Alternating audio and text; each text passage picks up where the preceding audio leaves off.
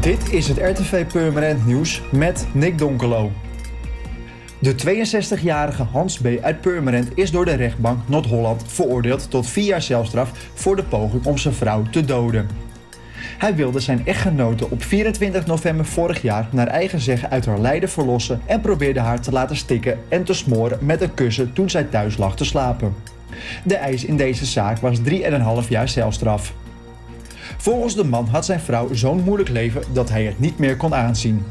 Zijn vrouw wilde echter niet dood en heeft zich enorm verzet. Ze vond dat ze een prima leven had, vertelde ze twee weken geleden tijdens de behandeling in deze strafzaak.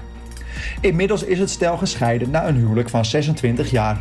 Hans B. moet zijn ex-vrouw nog wel 7000 euro smartengeld betalen.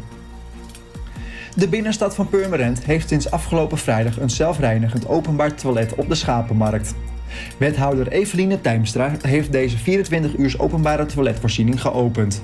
Het toilet is ook toegankelijk voor minder valide en iedereen kan er gratis gebruik van maken. Het plaatsen van het toilet was een intensief traject. De gemeente is in gesprek gegaan met de horecaondernemers op en rond de Koemarkt om te kijken naar de mogelijkheden. Daarnaast moesten bij de mogelijke locaties rekening gehouden worden met kabels en leidingen en de mogelijkheid van een aansluiting op het riool. Het toilet is te vinden aan de rand van de schapenmarkt waar eerder de pop-up toilet stond. Het toilet is zelfreinigend en zo ingesteld dat de deur niet dichtgaat als er meerdere personen tegelijk naar binnen gaan.